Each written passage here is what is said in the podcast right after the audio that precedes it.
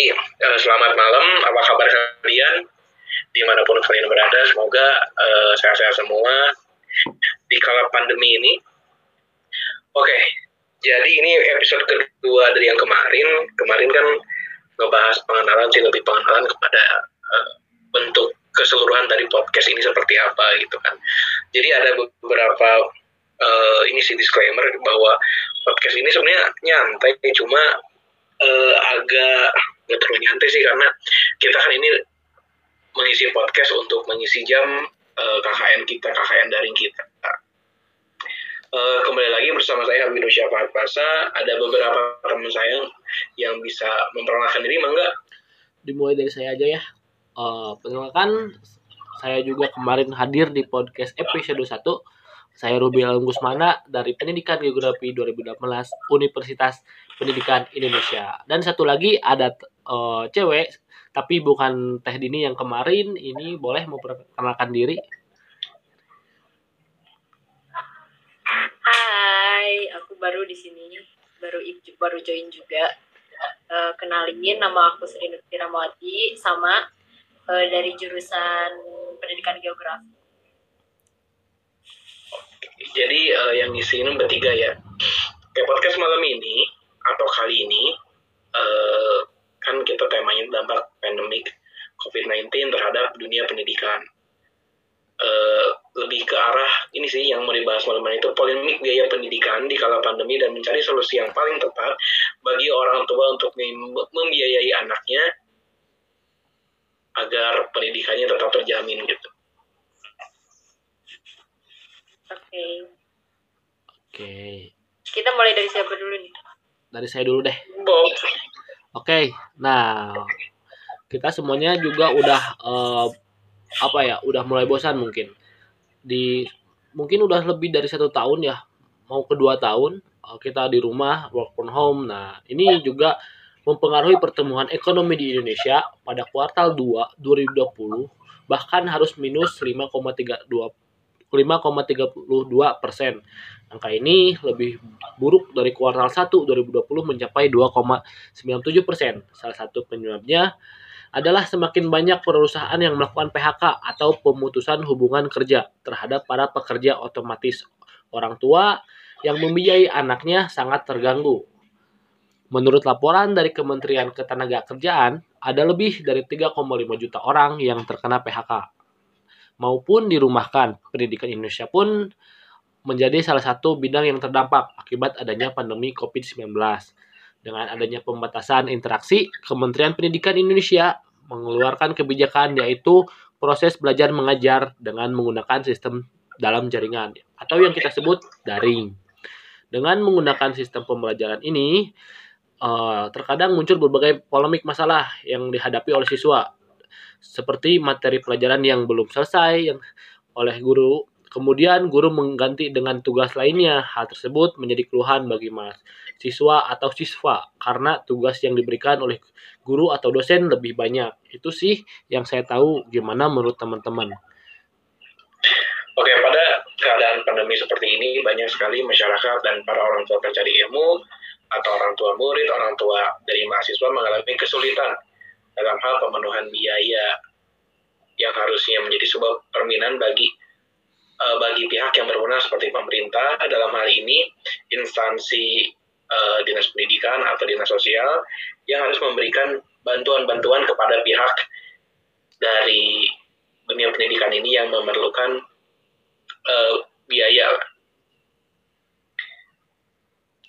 pihak yang terdampak agar para pencari ilmu yang tidak memikirkan dan mengibaratkan bahwa biaya pendidikan itu adalah sebuah pajak yang terutang dan memaksa sehingga mereka para pencari ilmu dapat menempuh pendidikan tanpa ada kekhawatiran dan pemikiran biaya pendidikan. Jadi pendidikan kita itu sebenarnya sudah maju tapi karena ada pandemi ini ada beberapa masalah yang timbul dan ini masalahnya itu kan kompleks ya masalah yang yang vital juga gitu tentang uh, biaya tentang bagaimana suatu pendidikan itu dijalankan bagaimana suatu pendidikan itu dapat uh, berjalan semestinya gitu sesuai dengan tujuan yang sudah dibuat.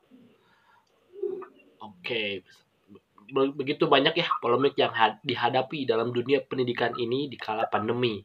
Nah, banyak banyak banget ya. Mm-mm. Jadi banget banget itu menurut, kompleks banget sih Tresri nih gimana eh, pendidikan di kala pan- pandemi ini? kalau menurut saya ya pendidikan di masa pandemi itu pandemi ini seperti sekarang benar-benar menjadi sesuatu yang harus dibicarakan serius karena untuk level pendidikan dasar dan menengah sejumlah lembaga pendidikan ada yang sudah merasakan membengkaknya beban operasional atau biaya biaya personal gitu kan. Sementara pemasukan semakin menurun yang disebabkan menurunnya daya beli masyarakat bahkan seperti eh, sejumlah perusahaan sejumlah lembaga pendidikan ada yang sudah merumahkan tenaga honorernya akibat menurunnya bukan dari orang tua untuk biaya operasional dan biaya personal. Jadi benar-benar kompleks sih ini bukan cuma bidang pendidikan aja tapi semua bidang di di manusia ini tuh yang kita lakukan sehari-hari itu benar-benar stop dan benar-benar lah gitu Wah, kalian juga ngerasain kan iya benar. Iya. Yang awalnya dua minggu, eh setahun di dari. lebih dua tahun ya say Lebih jadi gitu. Kita udah mulai bosan. Ah, Tapi di selepas itu pembelajaran jauh, jarak jauh nih memberikan kemudahan dan kesempatan dalam berbagai kondisi. Tidak pernah diprediksi sebelumnya kan dari tidak bakal terjadi daring nih keadaan dunia terkena COVID untuk memotong mata rantai penyebarannya, kita tetap dapat melakukan banyak hal positif di rumah. Universitas terbuka sebagai perguruan tinggi yang menerapkan sistem belajar terbuka dan jarak jauh telah terbiasa menggunakan pembelajaran daring pada mahasiswa yang menggunakan eh, media online. Nah, tetapi bukan mahasiswa doang sih. Banyak eh, dari dimulai dari tingkat bawah deh SD. Nah, udah mulai adaptasi eh, mengenai mengenai pembelajaran yang ini menggunakan Zoom. Nah, gimana sih dari eh, Kang Habibi nih yang orang Bandung yang tingkat SD eh, ada masalah gak dalam pendidikan gitu mengenai biaya pendidikan anak? Karena kan Bandung banyak sekali ya eh, pembatasannya. Tesri juga kan dari Bandung. Gimana sih? Menurut kalian kan kalau saya ya, diam di Tasik coba eh, siapa Jadi- jadi kalau misalkan di Bandung ya kalau ke pendidikannya pasti terdampaknya sangat-sangat besar gitu. Karena selain kota besar dengan biaya hidup tinggi Bandung juga biaya pendidikannya kalau yang swasta kan lumayan tinggi juga ya. Di samping itu juga eh, orang tua tuh harus me- menyesuaikan gimana anaknya ber- dalam pendidikan gitu. Kayak misalkan menyediakan laptop, HP atau kuota gitu. Jadi lebih berat nggak sih sering ya?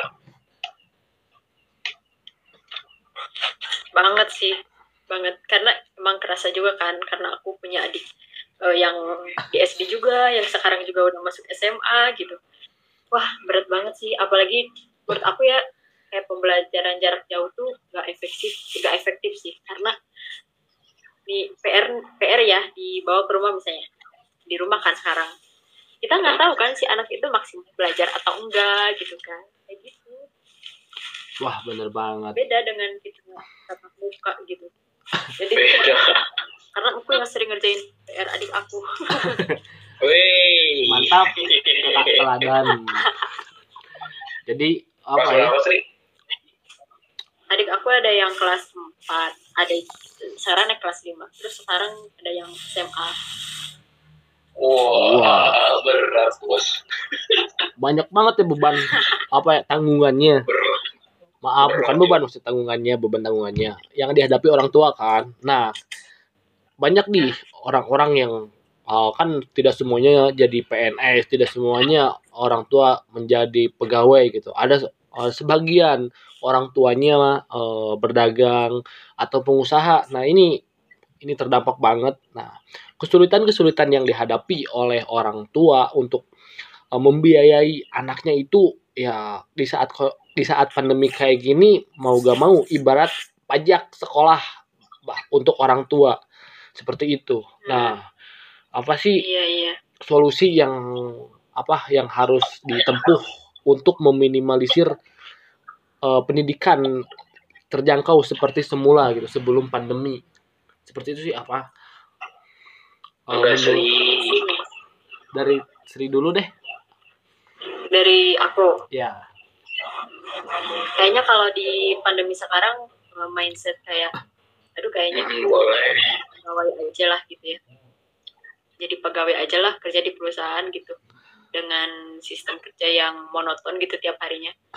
Tapi sekarang tuh udah nggak berguna nih, nggak berguna sih secara di pandemi ini karena bener-bener harus ada eh, tambahan gitu. Apalagi kalau udah punya anak ya sekolah juga ah, udah pusing banget sih. Bener-bener harus cari tambahan Jadi karena dari kegiatan ekonomi di bidang apa pun juga udah dibatasi Oh iya sih gitu. benar. masalah. Tapi ya kan kan? pengalaman tes Sri gini, oh, untuk meringankan beban orang tua gitu, bekerja sampingan itu eh, appreciate banget. Eh, gimana sih pengalaman buat mahasiswa-mahasiswa pendengar yang dengar podcast ini untuk meminimalisir beban apa ya tanggungan orang tua itu seperti apa ya apa gitu Sir? menurut Testri dan Kang Habibi Coba Habibie dulu. Kalau eh, kalau misalkan ini ya, kalau misalkan mau meringankan beban, sebenarnya sih pemerintah tuh sudah ada, sudah ada eh, program namanya itu Kartu Indonesia Pintar. Pemerintah membuat program PIP atau program Indonesia Pintar sebagai langkah pemberian pendidikan yang layak pada anak. Karena itu perlu diketahui bahwa eh, perlu diketahui bagaimana cara membuat KIP gitu. Jadi sebenarnya setiap anak di Indonesia berhak untuk mendapatkan pendidikan yang layak. Hal ini ditulis pada Undang-Undang Nomor 39 Tahun 99 tentang Hak Asasi Manusia Pasal 60 yang berbunyi setiap anak berhak untuk memperoleh pendidikan dan pengajaran dalam rangka pengembangan pribadinya yang sesuai yang sesuai dengan minat, bakat dan tingkat kecerdasannya. Jadi semua itu sudah sudah ada di programnya, sudah diprogramkan, sudah ada beberapa yang dijalankan gitu. Tapi em, aku jujur aku nggak punya kartu Indonesia Pintar. Dan kayak Sama. beberapa bantuan misalnya eh, nggak merata gitu loh. Padahal mah kalau misalnya kita ya, sekarang misalnya sekarang kita lagi di atas kita nggak tahu di masa depan kita bakal di bawah gitu nah bener terus dengan Hmm. pada saat kita dibagiin gitu pada saat ada program HIP itu kita nggak kebagian karena kita lagi di atas nah iya sih Iya benar. gitu kan gitu kan jenius jenius udah Eh, bener sih sebenarnya sih eh, ada beberapa sasaran nih. Ini di- dikutip dari website orami.co.id. Sasaran dari program Indonesia Pintar. Jadi ada beberapa kelompok yang menjadi sasaran program Indonesia Pintar yang perlu mengetahui cara cara membuat kartu Indonesia Indonesia Pintar adalah satu peserta didik pemegang KIP, peserta didik dari keluarga miskin atau rentan rentan miskin dengan pertimbangan khusus, peserta didik SMK yang menempuh studi keahlian kelompok bidang, pertanian, perikanan, peternakan, kehutanan, dan pelayaran dan kemaritiman.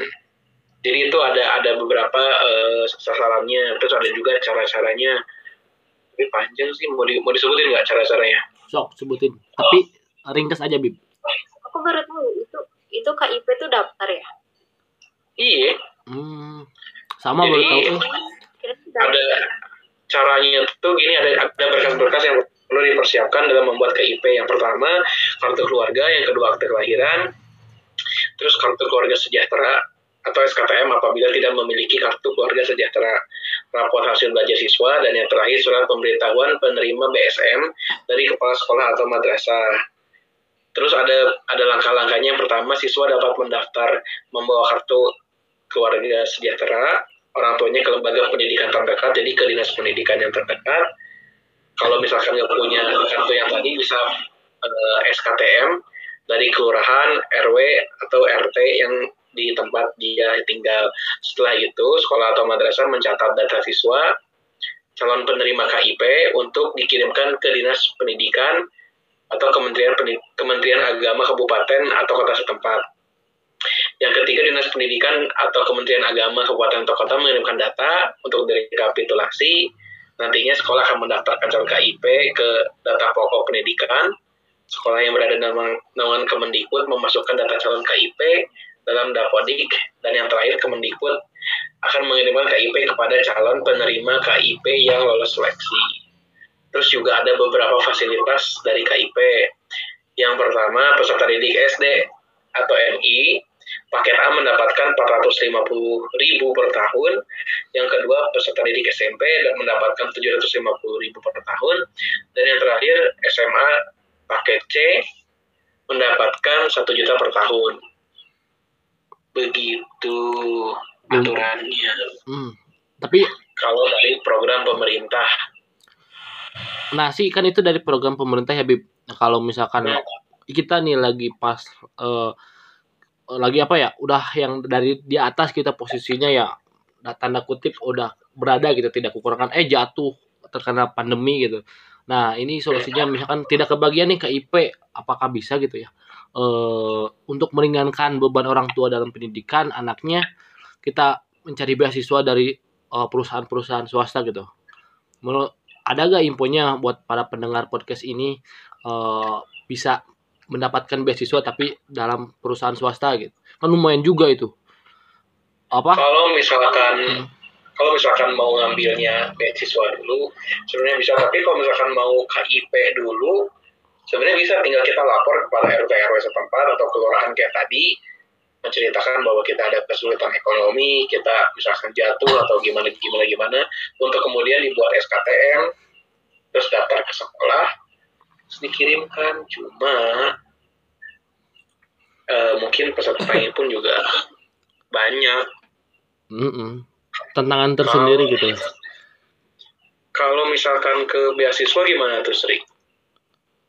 Kalau aku jarang ikut beasiswa juga sih karena em, emang infonya juga aku kadang suka telat dapet ya kadang tiba-tiba pengen daftar eh udah ditutup itu Hmm, kalau beasiswa aku lagi ikut sih ini sekarang kampus mengajar program kampus mengajar. Mantap. Lumayan juga ya. Nambah Wih, nambah juga sih sebenarnya. By the way kan Sri eh, apa ya? Lebih- Sri kan kabar kerja ya kemarin. Gimana kabarnya di saat pandemi kayak gini kerja?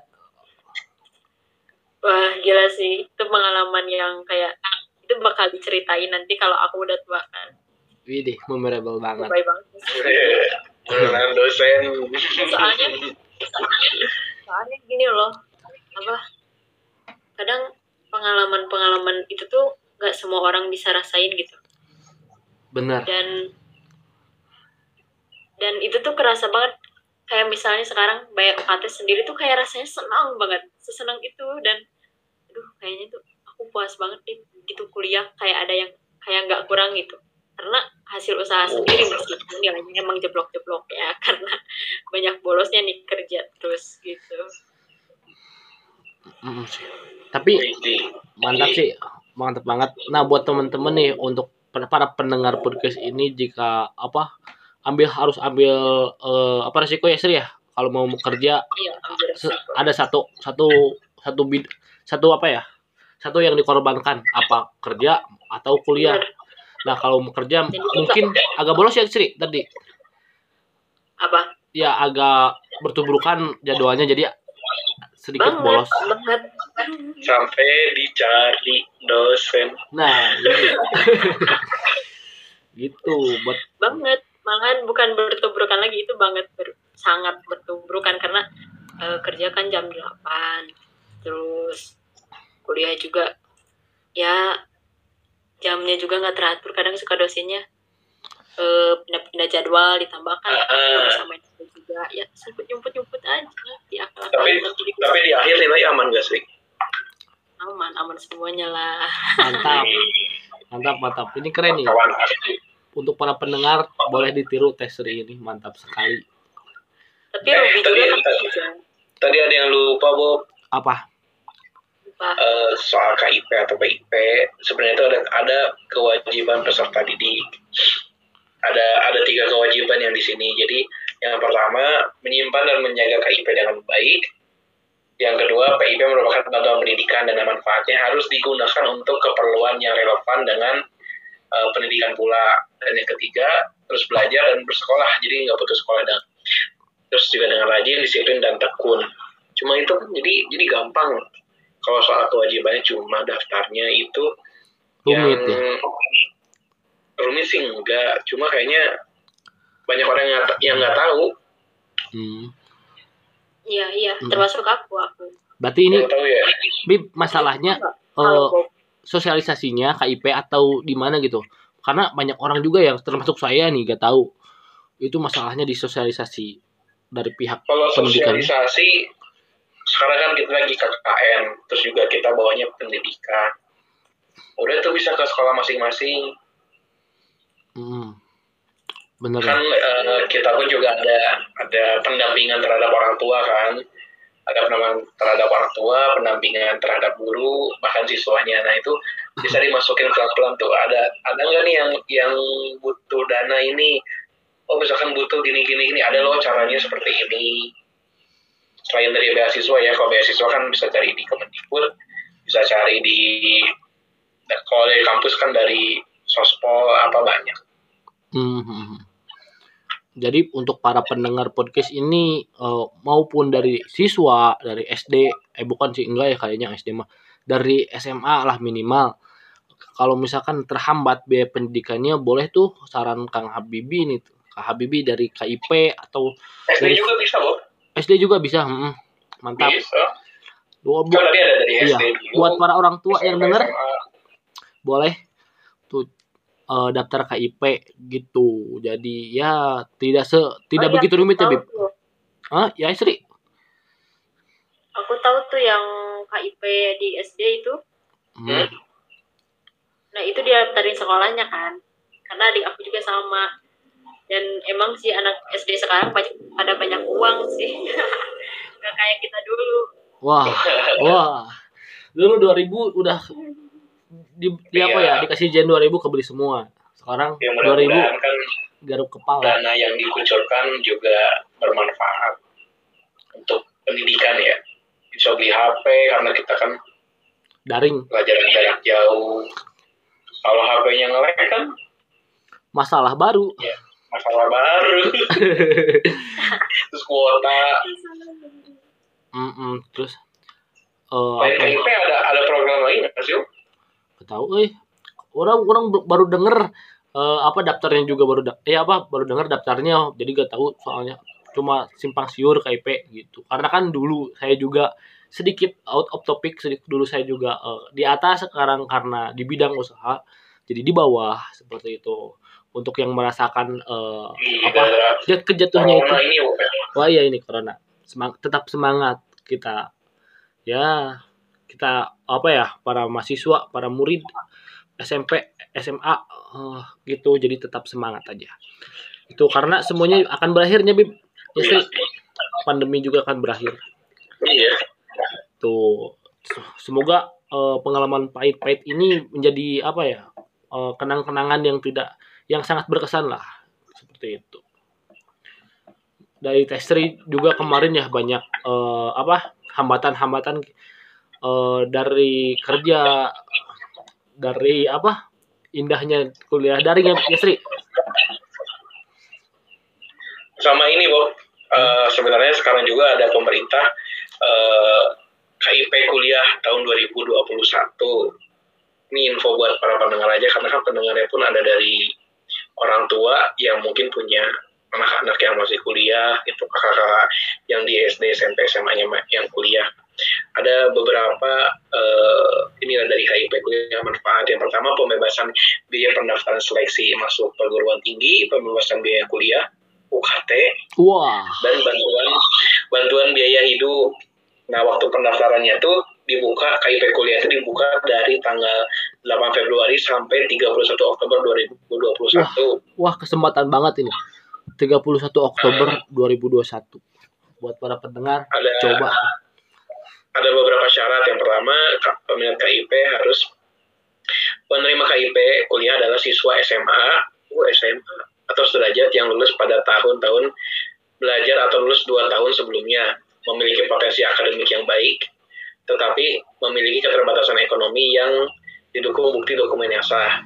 Yang ketiga, lulus seleksi penerimaan mahasiswa baru dari PTN atau PTS pada prodi akreditasi A atau B, dimungkinkan dengan pertimbangan tertentu pada prodi akreditasi C. Jadi ada bukti keterbatasan ekonominya pertama memiliki KIP yang tadi, terus juga berasal dari keluarga peserta program keluarga harapan, pemegang kartu keluarga sejahtera, mahasiswa dari panti sosial atau panti asuhan juga bisa masuk, dan mahasiswa dari keluarga yang masuk ke dalam desil kurang atau sama dengan kategori 4 pada data terpadu kesejahteraan sosial DTKS. Mantap. Mantap, lengkap sangat nih, udah mas lengkap banget dari Kang Habibi. Oh, Hmm, dan ada terlu kok terlu. Ada beberapa eh, bantuan yang bisa diberikan. Yang S1 maksimal 8 semester. Total selama studi maksimal dikasih 33,6 juta. Wih deh, Yang D3 gede kan lumayan. mantap. Terus D3 maksimal 6 semester. Gede banget ya. 20, Lumayan ya. iya, 20 25,2 D2 4 semester 16 juta D1 D1 maksimal 2 semester 8,4 juta rupiah Mantap. Tapi kita kan mahasiswa akhir. Jadi kenapa kenapa mahasiswa akhir gitu. Jadi susah daftar KIP-nya ataupun untuk potensi dapatnya hampir tidak mungkin. Ya untuk para pendengar mahasiswa akhir solusinya kita untuk meringankan biaya pendidikan saat pandemi ini cari-carilah peluang kerja. Bener gak Sri? Ini nih yang yang yang kerja di saat pandemi. Mantap. Gimana Sri? cari Untuk- cari ada sepatah dua patah untuk mahasiswa akhir Cari yang time apalah nambah. itu Mahasiswa akhir. banyak beban mahasiswa Oh, akhir. lulus. Kita kan mahasiswa akhir. Mm-mm. Kita kan mahasiswa akhir semester 6 mau ke 7 udah pusing-pusingnya. Kayaknya lagi pusing-pusingnya pesan pesan-pesan sih buat ya terutama teman-teman Geo kan sebelum lulus banyakin pengalaman sih meskipun itu part time tapi lumayan kan penuhi CV juga gitu jadi Nah. kita ada pengalaman lah pas ngelamar kerja nanti nggak tahu ya kita mau kerja apa keterima di mana gitu seenggaknya ada pengalaman lah nggak kosong banget tuh CV-nya Bener banget. Dari Kang Habibi gimana? Sepatah dua patah untuk orang tua atau siswa, mahasiswa maba atau mahasiswa tingkat akhir pun ya eh, ada apa? Sepatah dua patah untuk para pendengar. mungkin eh, lebih tepatnya ke kesempatan itu ada pendidikan eh, untuk anak-anak juga merupakan suatu hak yang harus diterima oleh anak pendidikan yang layak pendidikan yang pokoknya yang bagus untuk eh, hidup dia ke depannya dan informasi-informasi mengenai bantuan pendidikan itu dari bantuan dari pemerintah ataupun swasta melalui beasiswa itu terbuka lebar di internet jadi eh, untuk yang membutuhkan rajin-rajinlah untuk cari-carilah entah itu beasiswa atau itu bantuan karena eh, selalu ada jalan lah untuk orang yang untuk berusaha. Ini keren nggak? Keren banget. Saya ada jalan. Asik. Bener banget sih. Wah, gak kerasa udah thank 20. you banget ya Habibi udah ngasih tahu info tentang tadi Iya. KIP gitu wawasan Oh, boleh dicoba Boleh tuh punya adik, Punya ade tuh. monggo Gede kan tadi lumayan tuh. Aduh, ahem. gede. Ahem. Gede banget, Tri. KIP. 33 juta. wow Semoga iPhone 12 ya waduh, waduh, waduh, waduh. Langsung iPhone kan untuk pendidikan, coy. untuk bisa jangan disalahgunain ya nah bener iya. gitu bener boleh, nggak boleh.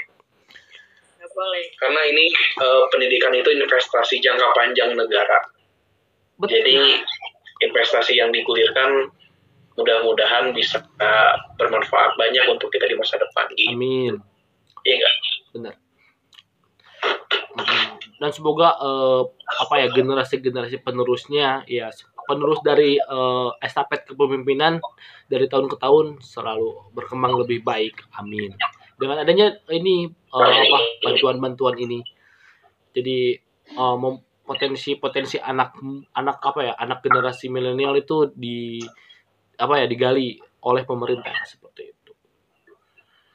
Oke, gak kerasa udah 30 menit. Mungkin closingan aja ya. Eh, Kang Hab- Teh Testri atau Kang Habibi gimana? Ya boleh deh. Boleh. Udah berapa menit tuh Udah podcast kita? 30 menit. Mantap, semoga bermanfaat Berapa? nih. 30 menit. Di apa ya? Semua mungkin ini closingan akan ditutup oleh saya. Eh, 30 menit ini semoga bermanfaat dan memberi informasi yang eh, dapat eh, dicoba oleh orang tua menjadi solusi alternatif bagi bagi Anda untuk membiayai eh, anak Anda. Oke.